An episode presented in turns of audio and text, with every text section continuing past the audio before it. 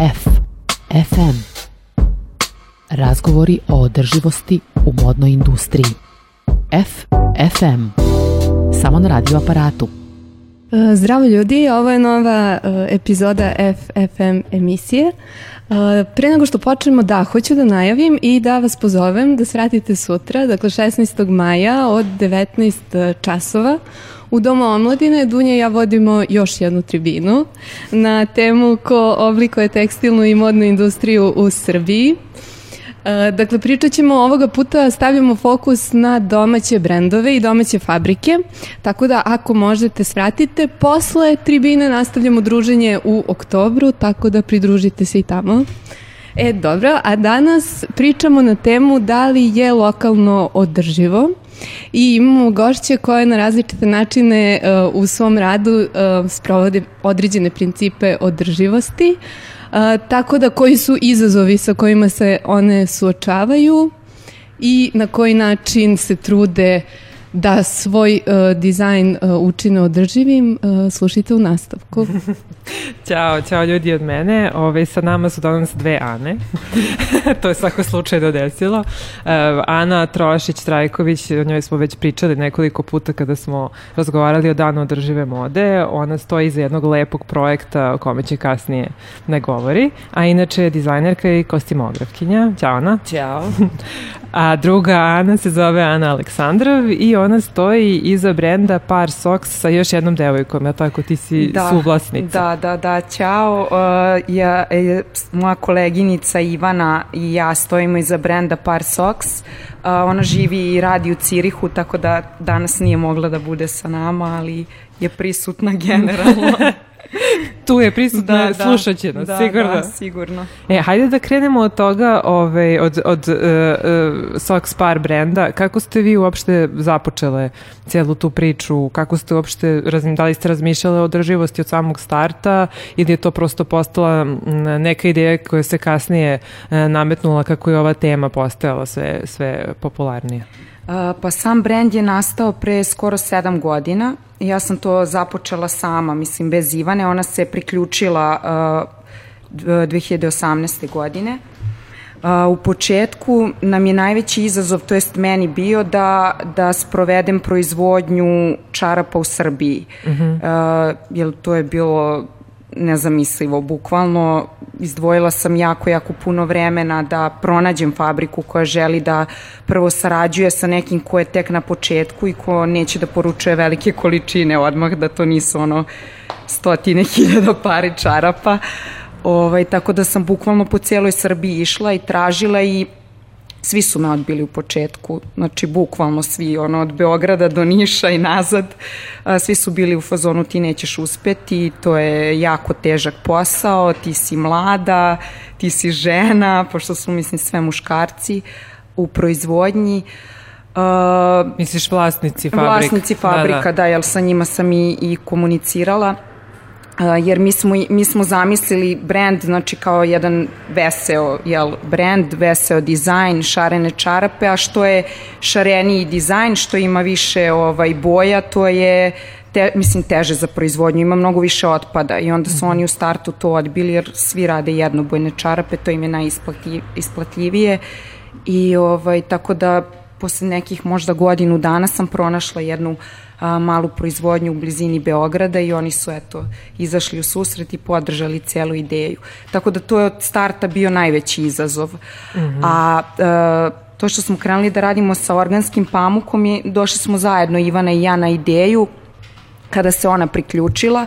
Nas dve smo inače ovaj, drugarice od detinstva, naši očevi su odrasli zajedno, ovaj, oni su se kasnije preselili u Švajcarsku, ja sam ostala ovde i uvek smo bile, mislim, u kontaktu, uvek smo se družile i onda je ona pitala mene da li, bismo, da li bih htela da pokrenem istu priču ovaj, i u Švajcarskoj. Tako smo otvorile tamo firmu, ljudi su tamo, mislim, potpuno drugačiji, potpuno drugačije gledaju na sve, svi mnogo više obraćaju pažnju na materijale, na, na celu tu temu održivosti, tako da je to odatle ta ideja. A reci mi, a gde nabavljate organski pamuk? E, i to nam isto bio baš veliki problem, ovaj, zato što uh, prvo kada smo pomenule proizvođaču da želimo da radimo čarape od organskog pamuka, on je bio u fazonu, ma šta će vam to? Kao, sve to isto. E da, to je česta Jeste, ovaj, da. zabluda koju ljudi imaju jer su svi u fazonu pamuk je a, po defaultu Da, da. prirodan materijal, Jeste. sa pamuk je organski. Da, e da. pa nije, kao hajde naravno, da kažemo. Naravno da nije, on je, mislim, on je meni rekao kao ljudi neće primetiti razliku, to je apsolutno isti kvalitet, nema nikakve razlike, ali to nije istina, definitivno, znači mnogo je prijatniji osjećaj, mislim, na nozi, apsolutno, mislim, manje se iznoji stopalo, ima to hip, hiper, hiperalergijsko ovaj, dejstvo, stvarno je, mislim, totalno Da, da, mekši razlika. je, da, A takođe postoji ogromna razlika i u uzgoju takođe pamuka. Jeste, ovaj da. koji nije organski šprica se razno raznim pesticidima i postoje, to jest postoje brojni rizici kasnije prilikom upotrebe takvog Da, da, pamuka. da, pa zato što, mislim, potražnja za pamukom je nenormalno skočila, tako da ovaj, svi uzgajivači su prešli na, na GMO seme.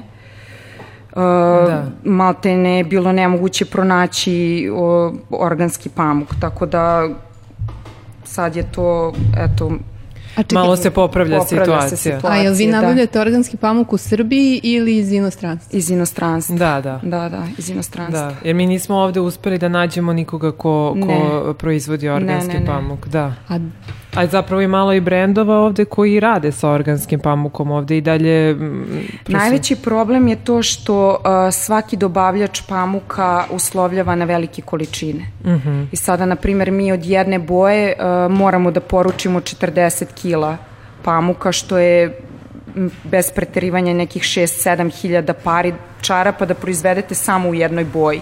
A sad vi ako imate šarenu čarapu koji sadrži, ne znam, 6-7 boja, vi ćete, na primjer, ne znam, neku naranđastu iskoristiti Mislim, to je toliko smešno Da, da, da, ćete ma- malom tih 40 postotku. kila koristiti narednih, ne znam, dve godine, bukvalno. I to je to veliki problem. Mm -hmm, Mhm, Što, mislim, mora baš mnogo novca da se uloži da bi, da bi se dobilo nešto, da, proizvod. Da. A e, zanimljivo mi je ovo što si rekla na početku da e, zapravo niste uspevali da nađete nikoga ko će da vam e, šije čarape. A e, šta misliš, da li se situacija promenila od tada pa evo do, da, do, do, do sada? Jer mi sada imamo stvarno puno brendova, manjih brendova, a imamo, eto, eto iznenađenje kao čak i vi sad imate dosta konkurencije, ima još domaćih brendova čarapa, znači da, da li prosto sad e, ti se čini da se situacija sa tim uh, ugovaračima i, i ovaj, kako se kaže, i ljudima koji koji šiju, da, da promenila. Pa mislim da generalno jeste, da, zato što prvenstveno proizvodnje imaju i veće kapacitete, pa mogu mislim sebi i da priušte da, da u tim nekim pauzama onda ovaj, te manje količine proizvedu, ali oni inače kada počnu neku seriju nema prekida, jer, mislim to se ne isplati. To je u stvari isto jedan od, od problema, što neće, neće izdvojiti neko vreme sada da proizvedu, ne znam, 100 pari čarapa ako imaju naruč, naručbinu, ne znam, od 10.000 pari. Tako da i to, to vreme u stvari koje ti moraš da sačekaš da bi došao na red je Da, isto da. Jedan, jedan od većih problema. A u kojim količinama i to je serijama vi proizvodite? Pa, mislim, mi se držimo toga da ne proizvodimo velike količine. Uh, nekako gledamo da, eto, ne bukvalno budu limitirane serije, ali ne pravimo velike količine čarapa. Da. A, Mislim, po potrebi obnovimo ovaj seriju, ali u startu samom ne pravimo neke velike lagere. A izbacujete kolekcije ili kako ide to godišnje? A, pa do sada smo radili dve kolekcije i imali smo, ne znam, za Božić i za Novu godinu, a sada se trudimo da podržavamo mlade dizajnere i, i iz Ciriha, iz Beograda, onda radimo sa njima. super. E, da, i onda, ne znam, na, na svakih par meseci možda izbacimo dva, tri modela. To nam je sad neka nova politika. Super. A, Ana, a da pitam tebe, drugu Anu, sad da mo- moram nekako da vas razdvojim, Ove, e, mi smo, čini mi se, već ovako privatno pričale malo o tome, ali kako se tebi čini, da li domaći dizajneri razmišljaju održivo ili prosto se vode tom mantrom da što je domaće jeste održivo upravo zbog tih malih serija e, koje se proizvode, zatim tih relativno malih zarada i tog ciklusa koji je u neku ruku zatvoren, to jest oni proizvedu određenu količinu, onda je prodaju, tu zaradu ulože u novu seriju i dakle to tako nekako funkcioniše. Da li to je, to je u jednu ruku jeste održivo, ali to je samo na jednom nivou održivo. A kada pričamo o materijalima, radnoj snazi i tako dalje, hajde mi reci šta misliš koliko uopšte znaju?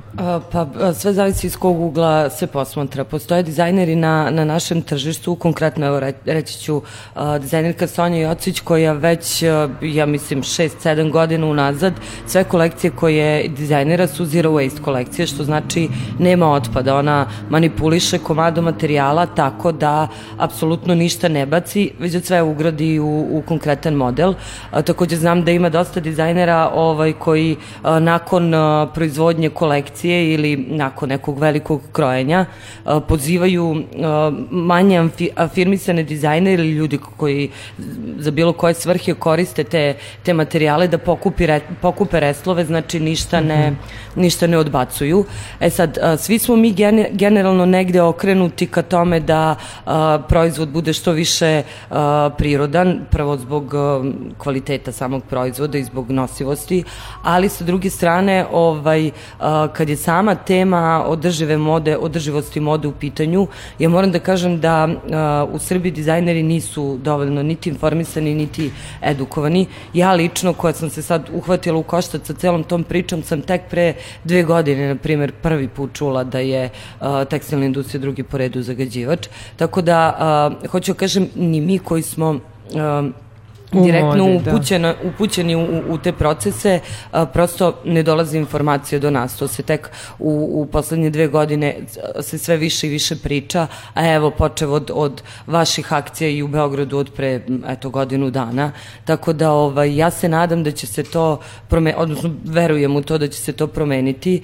A, ja mogu da kažem ono što, što ja primećujem, da kada sam uh, promovisala uh, koncept uh, Biro 354C, ja ću kasnije o čemu se radi, mada verujem da, da slušaci baš, baš znaju, uh, ovaj, uh, imala sam taj negde strah, uh, pošto mi je naravno bila podrška uh, dizajnera izuzetno bitna, nisam mogla da krenem u tu priču potpuno sama, i imala sam negde strah da neće prepoznati priču da će im sve to uh, malo povući na neku uh, second hand varijantu i slično i da će, da će ono, da neće imati podršku. Međutim, evo mogu da kažem da sam u prvom uh, krugu pozvala neke od najeminentnih domaćih dizajnera, ozbiljnih dizajnera i da su čak i oni koji osim u svojim storovima nigde ne prodaju svoje komade, pristali da me podrže i došli u biro samo da bi podržali priču o održivosti da bi a, ja ujedinjena sa njima bila što vidljivija i što glasnija.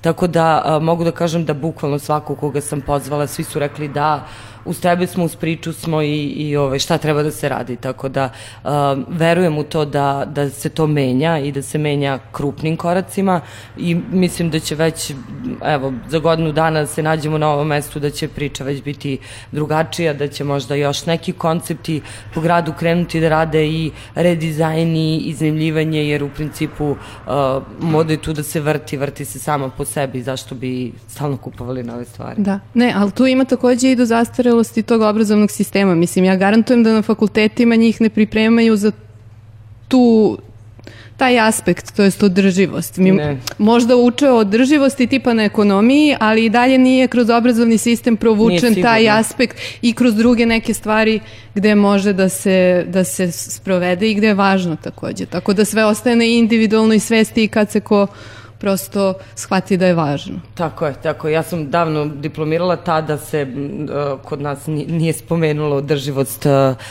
kao takva kada je, kada je moda u pitanju, ali opet uh, mislim da će morati te stvari da se promene, da će i, i sama država morati drugačije da reaguje kada je u pitanju tekstilni otpad, jer, na primer, konkretno u Srbiji se mnogo više ovaj, pažnje posvećuje plastici i staklu koji su negde negde na četvrtom, petom mestu po a, količini zagađenja koje prouzrukuju, tako da mislim da, da, ovaj, da sve to kreće ka jednom pravilnom pravcu i smeru. Evo, ja samo moram da dodam da u Srbiji dalje tekstilni otpad e, nije naj, najveći na, na deponijama, bar ne one količine koje smo mi pronašli, to jest informacije o količinama koje smo pronašli, ali to je upravo šansa za nas da taj otpad i koji postoji iskoristimo na pravi način. Da li ćemo ga reciklirati, da li ćemo uposliti prosto dizajnere da se malo više informišu i saznaju kako da, da od tog materijala naprave nove materijale ovaj, i tako dalje.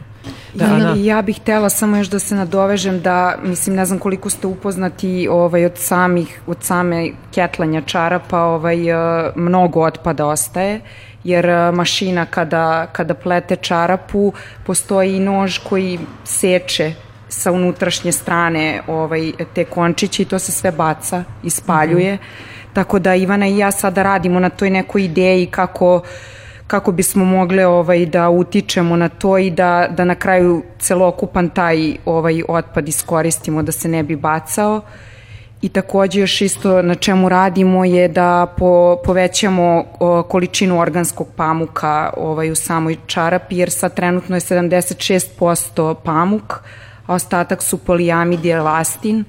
Takođe tražimo i reciklirani polijamid, što je isto, mislim, već duže vreme ne možemo da pronađemo. Isto ćemo morati da radimo neki uvoz. Tako da, eto, to su neke stvari na koje mi pokušavamo da utičemo i da, da poboljšamo. Evo, upravo ovo što Ana rekla je, je srž problema, što a, dizajneri koji stvarno žele da se posvete održivosti i koji žele da apsolutno promene u skladu sa tim filozofijom svog postovanja nemaju mogućnosti. Eto, one su morale da, i da uvezu pamuk i da uvezu akril koji je recikliran i opet ovaj, a, imaju, imaju problema sa, sa, mislim, sa tržištem i sa, sa proizvodnjom. Tako da mi osim toga što moramo da uvozimo, a, eto, absurd situacije, mi uvozimo a, organski pamuk, a takođe uvozimo a, sa jedne strane i tekstilni otpad. Ja sam jedno istraživanje interno ovaj, uh, uradila kada su naši second handovi u pitanju. Na primjer, u Bulevaru Revolucije konkretno ima blizu 10 second handova od početka do kraja. Nijedan, apsolutno nijedan second hand ne otkupljuje garderobu od fizičkih lica. To je sad i zakonom uh, zabranjeno, ali uh, mislim da, da je to potpuno suludo, da u stvari vlasnici tih second handova, jer je to jedan jako isplativ biznis, uh, apsolutno je ono održivost zagarantovana takvog biznisa, oni otkupljuju iz inostranstva džakove i džakove uh, garderobe na neviđeno. Sad postoji neka kategorizacija prva klasa, druga klasa, treća klasa i na neviđeno kupe džak, a taj džak garderobe je neka institucija tamo popakovala sa neke deponije. Znači, mi uvozimo naši um, second handovi kojih je sve više i više, uvoze uh, ovaj uh, maltene tekstilni otpad umesto uh, da mi imamo jednu uh, objedinjenu, da ne kažem deponiju, ali organizaciju gde će ljudi moći da prodaju ili doniraju svoje stare stvari i hajde da ti isti second handovi otkupljuju domaći tekstilni otpad, odnosno ono što se od njega može iskoristiti, a ne da uvozimo, a naš, uh, da, da od našeg pravimo deponije lokalne. Pa postoje ti kontejneri za, za reciklažu tekstilnog otpada, ali informacija do kojeg smo mi došli jeste da se taj tekstilni otpad prodaje u Evropskoj uniji. Da. Tako je. Da. Isto kao što mi kupujemo iz Evropske unije isti taj tekstilni otpad. Pa tako je. Da. E, Ana, ajde sada da pričamo o tvojoj inicijativi, Biro 345 354C, znači Bože ne mogu da zapamtim nije, nije redosled tih nije brojeva problem. nikad. A, pa 354C da. je inače Pantonova šifra za zelenu boju, pa pošto ja nisam htjela da Biro bude baš eksplicitno nazvan Biro zeleni, jer mi je zvučilo kao neka politička stranka, ovaj, ja sam onda kao našla tu neku brojku da ima nekog smisla i da ima nekog značaja. Ovaj, projekat je nastao u mojoj glavi pre, nekih, pre neke dve godine. Uh, ja sam radila neki konk konkurs za London Fashion Week uh, i uh, tema je bila održivost. Ja sam tek tada krenula da istražujem šta uopšte znači održivost u modnom dizajnu i, i, i kuda idu sve te stvari kad ih odbacimo, a fast fashion je ovaj, na velikim vratima u svakom domu. Ovaj, tako da iz prostog razmišljanja kao prvo kako da smanjimo tekstilni otpad na deponijama, kako da upravljamo vlastitim tekstilnim otpadom, jer smo svi mi negde zaglavili sa punim ormarima stvari koje, koje ne, ne nosimo, a žao nam je da bacimo, jer nismo dovoljno bogati da bacimo, poklonili smo već što smo mogli da poklonimo, tako da ovaj, um, probala sam eto da, da dođem do nekog rešenja i ovaj, sa druge strane uh, mučilo me to kako uh, dizajneri u Srbiji u stvari opstaju i uh, nasuprot tome šta ljudi misle kako mi super živimo i super zarađujemo, to baš i nije tako, zato što mi uh, nemamo, ne uvozimo kontejnere uh, materijala po abnormalno niskim cenama kao što to radi, na primjer, Inditex grupacija, nego kupujemo komad materijala malo po maloprodajnoj ceni, plaćamo šivenje komadno i cena tog proizvoda ne može Tako. nikada biti ista kao što je, je kao što su uh, cene velikih gigantskih proizvoda. Tako da naše kolekcije stoje, čekaju sniženje i tek na sniženju nekom se prodaju po, po ovaj ono bukvalno uh, sumi koju smo mi uložili ovaj u, u taj konkretni model i htela sam na neki način da da dođem do rešenja kako da povećam uh, u stvari prodaju uh, domaćih dizajnera. I onda je biro 354C došao kao uh, uh, na izgled za sada ovaj jedno objedinjeno rešenje kako, kako te probleme možemo da, da rešimo. Dakle, u, biro, u birovu se trenutno nalaze, to je jedan zamišljen kao klasičan koncept store sa a, nekoliko dizajnera a, lokalnih. Hajde da spomenemo domaćih. imena neka. A, tu su Daniela Biškup, Jelna Svetlana Proković, a, Milenika Šuz, a, Origin Brand, Tijena Pavlov, Dejana Momčilović, Ivana Vorguca, Darko Milojević, dakle, radi se stvarno njih, o da. ozbiljnim dizajnerima partnerima ovaj, i mi tu um, ovaj, prodajemo uh, modele kao što prodajemo u svojim uh, vlastnim storovima, ali takođe iznajmljujemo te modele. Pa kako ciklus bi uh, ovaj tekao nekim normalnim tokom, pronašli smo neki model da se um, ovaj haljina na primjer uh, iznajmljuje pet puta, pet puta se hemijski očisti,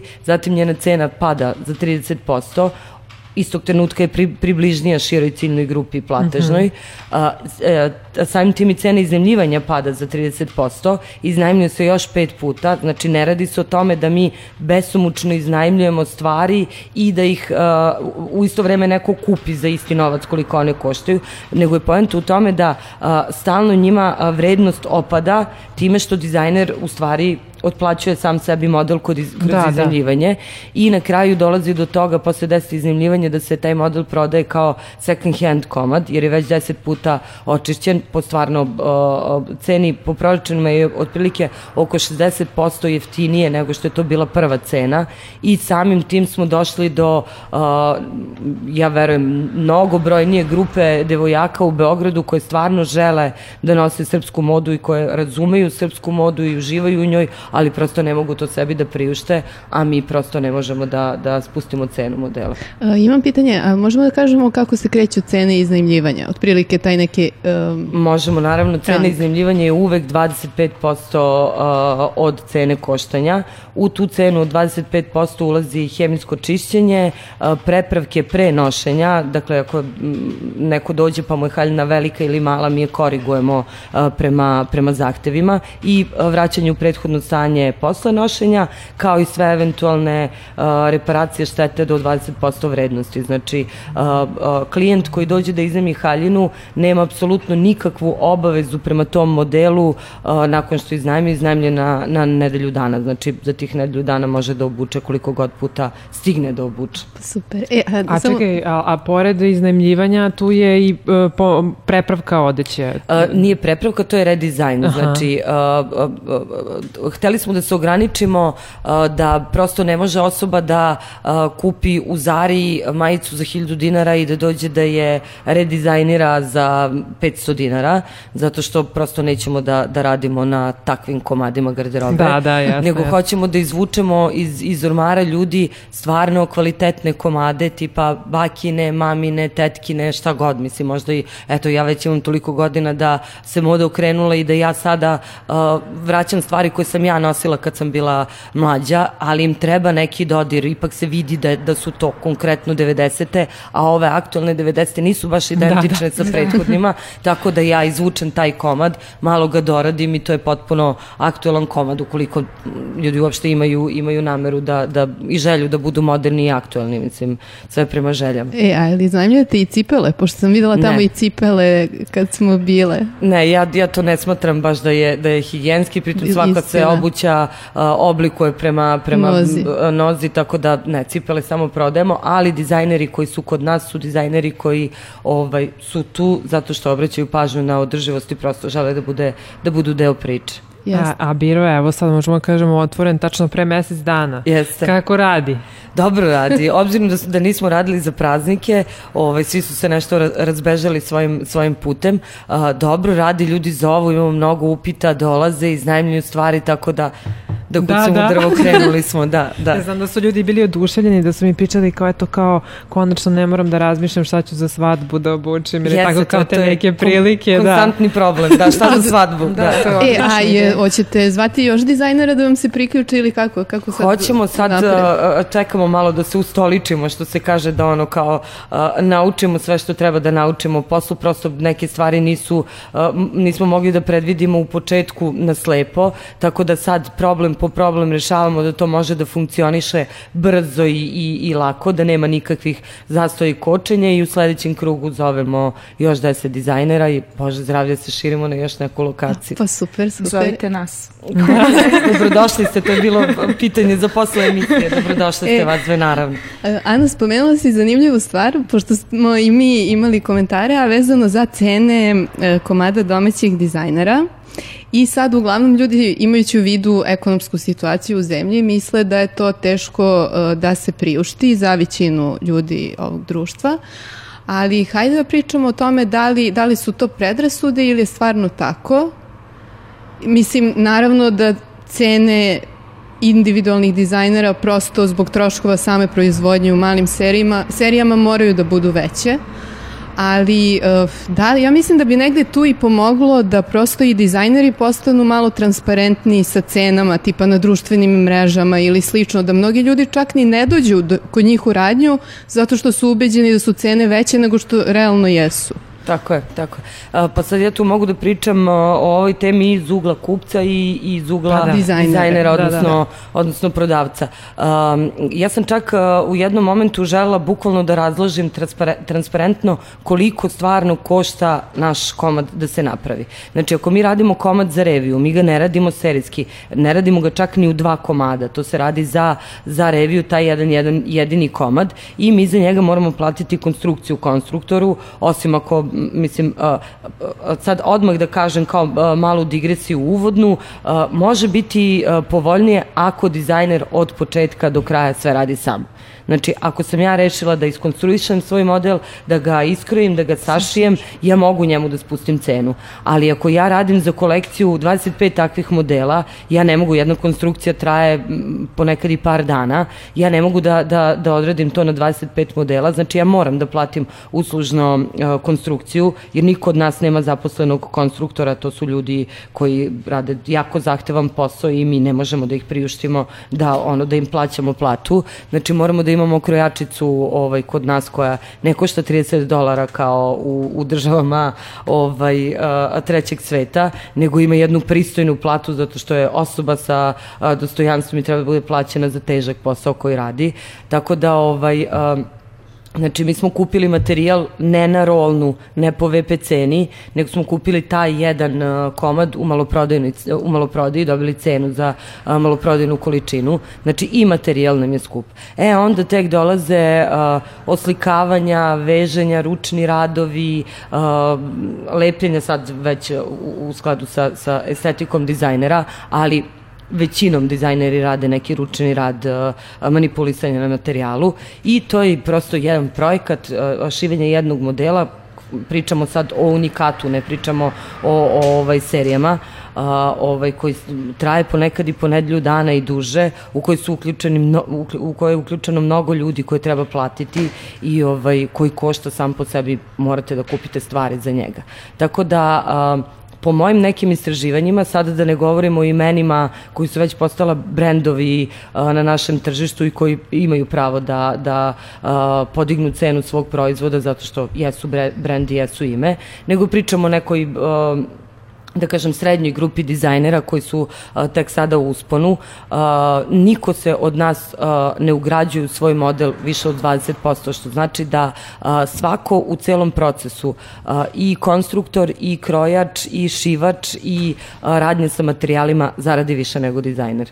A, a kao krajnja cena ispadne nešto što je stvarno nepriuštivo a, kada vi pogledate srednju a, platu u Srbiji. Znači, iskreno, ja kad mi treba haljina za svadbu, opet sada da kažemo za svadbu, nažalost ne odem kod kolege da kupim haljinu jer ne mogu sebi da je priuštim, niti mogu da priuštim sebi svoju haljinu da je otkupim, odnosno da je skinem sa, sa a, ovoj police u radnji, jer do sada nisam mogla da je vratim, sada već mogu da je iznemim, a, nego odem i, i kupim serijski proizvednu haljinu i stilizujem. Ali mi sada, pored dizajnera, imamo i gomilu domaćih brendova. Tako je i tvoj, to je Par Socks i takođe jedan od domaćih brendova koji su se nedavno pojavili. Da, do, došao tvoj ne, ali čini mi se da ih danas ima sve više i da je konkurencija da, sve već. Htela sam da kažem, ali na primjer spomenula si ti već imena koje su poznata kod nas, ali isto tako na primjer, eto, ako ćemo neko zvučno ime, Dragana Ognjenović, Ona žena na sajtu ima sve cene, kod nje je sako 15.000.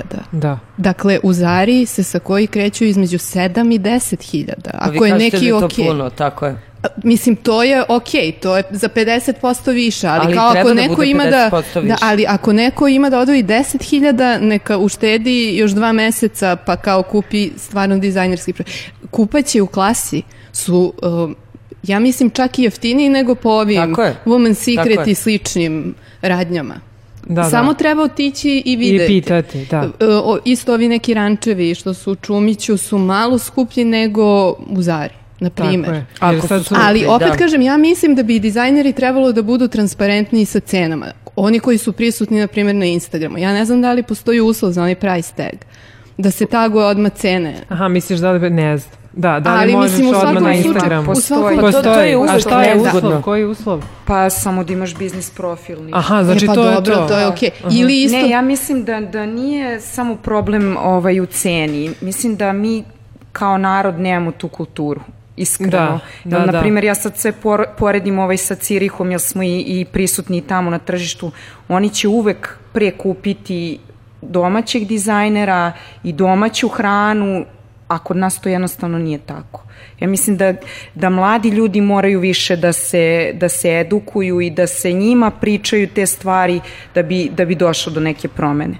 Jer svako će, ne znam, radije da kupi neko izvikano ime, ne znam, italijansko ili koje god, uh, nego što će otići da, da podrži ovaj domaćeg dizajnera ili domaći brend. Ali čak to sad više nije ni izvikano ime, to su baš, baš fast fashion brendovi, pa Zara, jesu, da, da, ali u glavama, u glavama mladih ljudi su to izvikana imena, da, mislim. Da, da, da, mislim da je to taj, ono, naš... Mi pored svih absurda na našem tržištu imamo još jedan absurd, pošto smo u, u tom smislu vrlo absurdni, da na primjer poznate ličnosti kod nas, to što si ti sad spomenula, niko neće podrži domaćeg dizajnera, da poznate ličnosti kod nas, na primjer, sigurna sam da kupuju strane dizajnere, zato što oni to sebi mogu da priušte, znači ne odu u neku mhm. radnju i pitaju da pozajme stranog dizajnera, nego daju novac za tu stvar a kada hoće da podrže e, pod navodnicima domaćeg dizajnera, onda oni dođu kod nas ili pošalju svog stilistu i traže da nose uh, um, ovaj naš model, uh,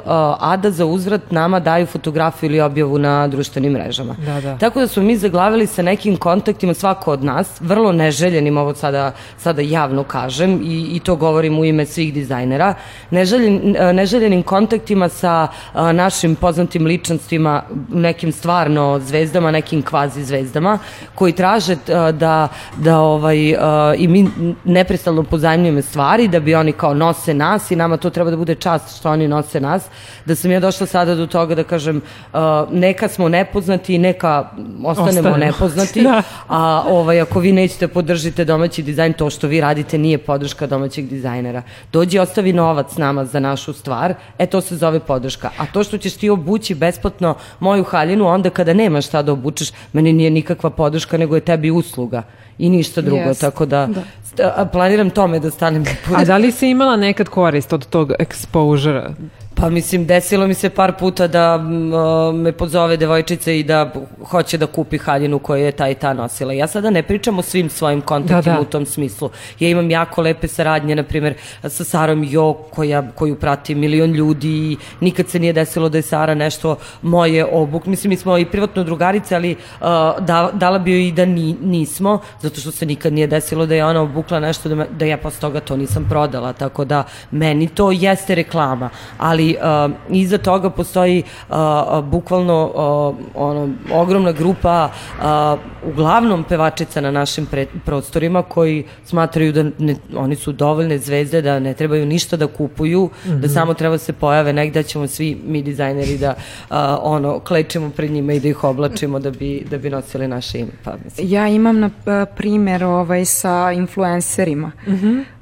Pre, pre par godina sam ono, krenula redom sve da ih kontaktiram zbog te podrške i o, uglavnom sam dobijala odgovor pa mi to ne nosimo, mi to ne znamo, ne znamo Čarape kako bi ne nose. da šarene čarape. Da, ne nose čarape. šarene čarape. Ne znamo, ne pamuče. da, ne znamo kako bismo to uklopili, pogotovo jedan influencer kao ne, ne, ja to ne nosim. I bukvalno, mislim da nije prošao mesec dana, on izbacuje sliku u šarenim čarapama, ali svetski poznati Da, brend. da. Da, jer je dobio novac za to. Da. Znači njima ne znači influencerima, a, a sad ja a, a, hoću da me neko izreklamira i najviše što mogu je da poklonim tu stvar koju reklamira. Ne, ona neće tu stvar, nego hoće novac, hoće da ih se plati za tu uslugu, tako da, a, mislim, to, to je a, vrlo, vrlo a, nezgodna tema. Da, mi smo imali tu jednu emisiju smo posvetili upravo tome, ovaj, zvala se Imidž održive mode i pričali smo o tome kako zapravo su influenceri, ispostavlja se e, sve suprotno od onoga što propagira održivost, jer će uvek pre reklamirati fast fashion brendove nego Tako je. domaći dizajn, ali moram da kažem da vidim da se i to menja polako, jer izgleda da kao kako influenceri vole trendove, tako im se sviđa i ovaj trend. Da.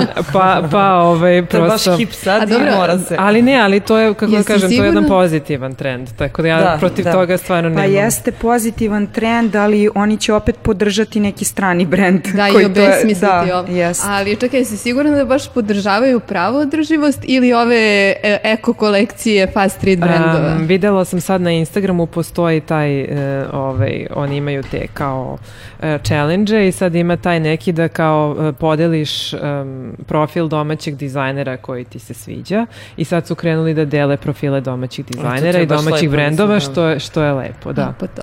Da. Tako da, eto, menja se i to. E, ali ja bi se vratila, sad krenuli smo od pamuka pa bi se i vratila na pamuk. E, nismo zapravo rekla jednu važnu stvar, a to je zašto e, je važno da obraćamo pažnju na materijale i zašto organski materijal nije po defaultu i kvalitetan materijal. Pa hajde Ana, ti, ti mi reci, ovaj, pošto prosto vi ste se poprilično pocimala da dođete do tog organskog. Da, e, pa mislim, generalno svi mi pazimo šta jedemo i mislim šta unosimo ovaj, u svoj organizam, da li je to zdrava hrana, sve više ljudi kupuje i organsko ovaj, voće i povrće i meso, ali niko ovaj, ne vodi računa mislim šta oblači na sebe, a kao što svi znamo, mislim, koža je najveći organ na telu, u telu, kako god. Ovaj, i odatle i jeste eto ideja, mislim, za taj organski pamuk. Mislim da je jako bitno, pogotovo za stopala, mislim, mm -hmm. i, i stopala se iznoje ovaj, u obući, i, mislim, ne možeš nositi čarape koje su, ne znam, od veći, veći procenat polijamida. Svi, na primjer, fast uh, brendovi prave sada čarape gde je većinski procenat polijamid. Aha.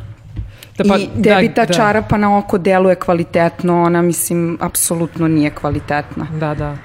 Sad mi smo radili ovaj uh, uh, i istraživanja organskom pamuku i i ovaj i sve smo to i testirale pre nego što smo ovaj ušle u u celu proizvodnju. Uh, sad kod čarapa je jako bitno ovaj uh, dužina niti pamuka. Sad što je što je nit kraća, to je uh, uh, loši kvalitet jer se ovaj čarapa u obući otire i onda brže ovaj se izliže Tako da eto, to je mislim nešto kod čarapa, ja ne, ne mogu iskreno da pričam za, za ovaj neke druge odevne predmete. Ne, organski pamuk je svakako uvek bolji nego ovaj koji nije sertifikovan, Ma, zato što, da, Ne, ali hoću da kažem, ne znamo št, zašto uh, onaj koji nije organski nije dobar. Mislim pa, da je to važno da se kaže. To zato je, da. što da, se... zato što, Ajdan. da, zato što, ovaj, evo, navišću primer Indije. Uh, ljudi su tamo, mislim, postoje ovaj, uh, plantaže. plantaže, da, pamuka i ovaj, oni su do, došli do velikog problema, uh, znači kako raste potražnja za pamukom, oni su morali se više i više taj pamuk da proizvode, a nisu mogli dovoljno brzo mislim da prirodnim utiču putem. prirodnim da. putem jel, na rast pamuka, tako da su morali da uzimaju GMO ovaj, da, da. seme koje brže raste, a raste brže zbog tih hemikalija i pesticida koji se prskaju. Uh, a ja sam došla do nekih informacija da su oni uh, fa, uh, ovaj uh, fabrika koja proizvodi taj to GMO seme proizvodi te pesticide mhm. -huh. i što više prskaš to sve više i više moraš da prskaš bukvalno je kao, kao neka vrsta droge da se da, mislim da. tako izrazim tako da ovaj to je jako štetno. Da, mislim, pa... imamo i primere i, i ljudi koji žive tamo i dece ko, koji mislim, su se otrovali. Otrovali, da, i oboleli, imaju ovaj, raznorazne defekte. Ne znam koli, koji procenat dece, preko 60% dece se ovaj, tamo rodi sa, sa nekom vrstom defekta. Mislim, to je strašno baš strašno. A da li znate možda da li kod nas postoji proizvodnja pamuka? Organ. Ili sve uvozimo, Organskog bilo kako. sigurno da. ne postoji. Ne postoji. Pa ja mislim da ne postoji uh, više čestita fabrika uh, materijala uh, nigde u Srbiji. ne, znači nema proizvodnje. Nema proizvodnje nema materijala. Nema proizvodnje materijala. e da, kakva nema. je tu situacija sa domaćim dizajnerima? Da li postoji, uh, kako nabavljate sertifikovane materijale? Uh, pa mnogo teško zato što ovaj uh, u principu mi dobijemo uh, kada kupimo u maloprodaji dobijemo uz račun neki kao sertifikat, ali u principu pitanje je da li oni to uopšte sertifikuju ili su nabavili jednom za neki pamuk koji im je ušao kao ulaz i sad na osnovu tog sertifikata jednog ko, koji imaju oni ovaj ubacuju sve nove materijale koji dobiju koji su slični tim. Tako da mislim to je to je sve pod znakom pitanja ja uh, verujem da 90% deklaracija na, na, radnje, uh, na stvarima u radnjama uopšte nisu tačne. Da, to je Aha, sigurno uopšte tako. nisu tačne, da. Da, da, to je sigurno tako jer uh, firme koje rade kontrolu kvaliteta, mislim, ti mi, bukvalno njih možeš da potplatiš da ti Tako kažu je. to je 100% pamuk. Tako je. Da. Aha. U stvari to nisu firme, to radi samo Jugo Export i ne može niko drugi da to je jedino zvanično. Ne, kod nas, kod nas ne postoji. Ima i CIS institut. Da. Ima i CIS institut. Da, da, da. Tako da ovaj, to je sve, mislim, Politika, bukvalno politika. Mislim, na primjer, kada, konkretno za čarape, kada piše da je nešto 100% pamuk, čarapa 100% pamuk, to je nemoguće. Da, jer mora da se rasti. Da, da, jel, mislim, ti bi je obuo i ona bi samo spala sa noge, da. mislim, kako može da bude 100% da, pamuk da. kad pamuk nije rastegljiv materijal, mislim... Sad kod nas postoji ovaj, jedna, ne znam sad, nije proizvodnja, fabrika pamuka za, za čarape, ali oni nemaju proizvodnju, oni uvoze taj pamuk i onda ga farbaju mhm. ovde, ali je jako loš kvalitet. Uh mhm. -huh. Da, tako da nije da, Tako da, da se sve da. bukvalno ovaj uvozi. Da, da, da, da. I sad još šta je isto bitno da se kaže kod ovog eh, pamuka za čarape to kako se on farba, kojim bojama, jer eh, kada nije organski pamuk, eh, oni koriste te boje koje su štetne. Uh. -huh a mislim kod organskog pamuka su boje koje nisu štetne za, za, za kožu i za, za mislim da, da. generalno da. zdravlje. Da. da kažemo i da, i da te boje često mogu da budu isto vrlo problematične.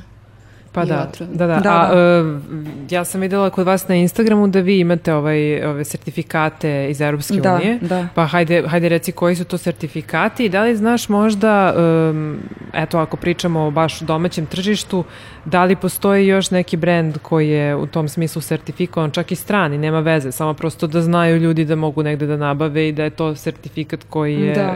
koji je pravi. Da, valid. Da. Pa uh, evo prvo da kažem da mi smo se ovaj, učlani učlanile u Fashion Revolution organizaciju i sada pri, pri samom pristupanju toj organizaciji oni su nama tražili uh, jako, jako puno informacija gde proizvodimo, morali smo da im šaljemo video, slike iz proizvodnje, ljudi koji rade, mislim, kako izgledaju, kako su plaćeni, koje su im plate, koliko su oni zadovoljni i, i inače pri samo, samoj potražnji fabrike mi smo vodili računa o tome.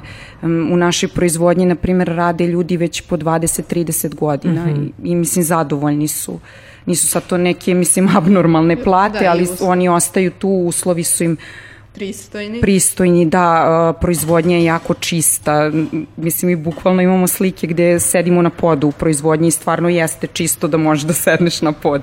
I oni jako vode računa o svemu tome, ali ovaj, oni kao proizvodnja iz Srbije nisu mogli da dobiju te neke sertifikate uh, jer su, mislim, jako rigorozni uslovi za sve to i onda smo nas dve to ovaj, uh, potegle, jer, jel, i dobile ovaj, taj uh, GOC uh -huh. i mhm. o Ecotex uh, sertifikat ali mislim to je bitno je jako da budeš transparentan i da, da. da ovaj, sve to jel, pokažeš i, i eto to su bili neki uslovi za to. Znači, u, u principu svako ko proizvodi um, organski pamuk ili bilo koju liniju od organskog pamuka može da se sertifikuje. Pa trebalo da. bi da može, da, mislim jeste malo, malo veće cimanje, ali mislim da, da generalno bi možda i država mogla Mogla malo da, da, da pokrene tu neku inicijativu i da, da pruži podršku, ali eto mi do sad nismo, nismo naišle na to. Pa ovo je još uvek nova tema na našem tržištu i širi se e, ovaj, na, na, na da. sreću svih nas, Mislim, ali da, i dalje je iskreno, to... Iskreno da kažem, nama bukvalno bez preterivanja dnevno stigne po 50 ponuda i poziva iz fabrika, ne znam, Turska, Portugal, Kina i mogle smo da odemo, na, još na samom početku i da olakšamo sebi život, jer oni, mislim, sarađuju već sa velikim brendovima i po nema ni... povoljnim cenama jeste, biste mnogo, dobili proizvod. Mnogo, mnogo povoljnim cenama. Znači čak i, i sigurno tri, možda i četiri puta povoljniji, povoljnijoj ceni, ali ja to nisam želela. Ja sam želela da, da proizvodnja ostane u Srbiji definitivno. Super, da. da. To je divno. Da, i zato što to je negde i poenta cele ove priče, razvoj domaće modne industrije koja je mrtva već 20 godina. Nemoj tako, ajde. Pa, pa jeste. Jeste, jeste, da, jeste. Da. Jednu petinu ljudi zapošljava u odnosu na pre na nekada, Pa jeste, evo konkretno naša proizvodnja, oni su imali uh, 60 zaposlenih a sada nemaju ni 20, tako da... Da. Da, to je malo. I mislim zanimljivo je to da prosto imamo, mi im postoji, ovde postoji proizvodnja za velike brendove i to su fabrike koje uglavnom ne posluju onako kako bi trebalo i zato smo mi ovde da stavimo fokus upravo na vas i na ove sve te male inicijative koje, koje rade baš onako kako bi trebalo. Jer to je prosto primer i s druge strane um, nademo se da ćemo inspirati kupce da, da se okrenu ka, ka tim održivim proizvodnjama. Pa ja se uh, bukvalno uzdam u ono što si ti malo pre rekla, obzirom da postaje moda i trend, da će ako ni, ni zbog čega drugog i želje da budu u trendu ovaj, podržati sve to. Ali je važnije da dođe do promene u svesti. To naravno, da će naravno. biti dugoročni ali, ali to je, to je jedan dugi, dugi proces. Jeste. Ali dobro, baš smo počeli, nadam tako se. Je, tako je. E, dobro, e, Dunja, imaš još neko pitanje? Pa, nemam, pošto Pri smo... kraju da, smo. mi smo ove ljudi na kraju, evo već sat vremena, verovali ili ne. Da, baš da, da.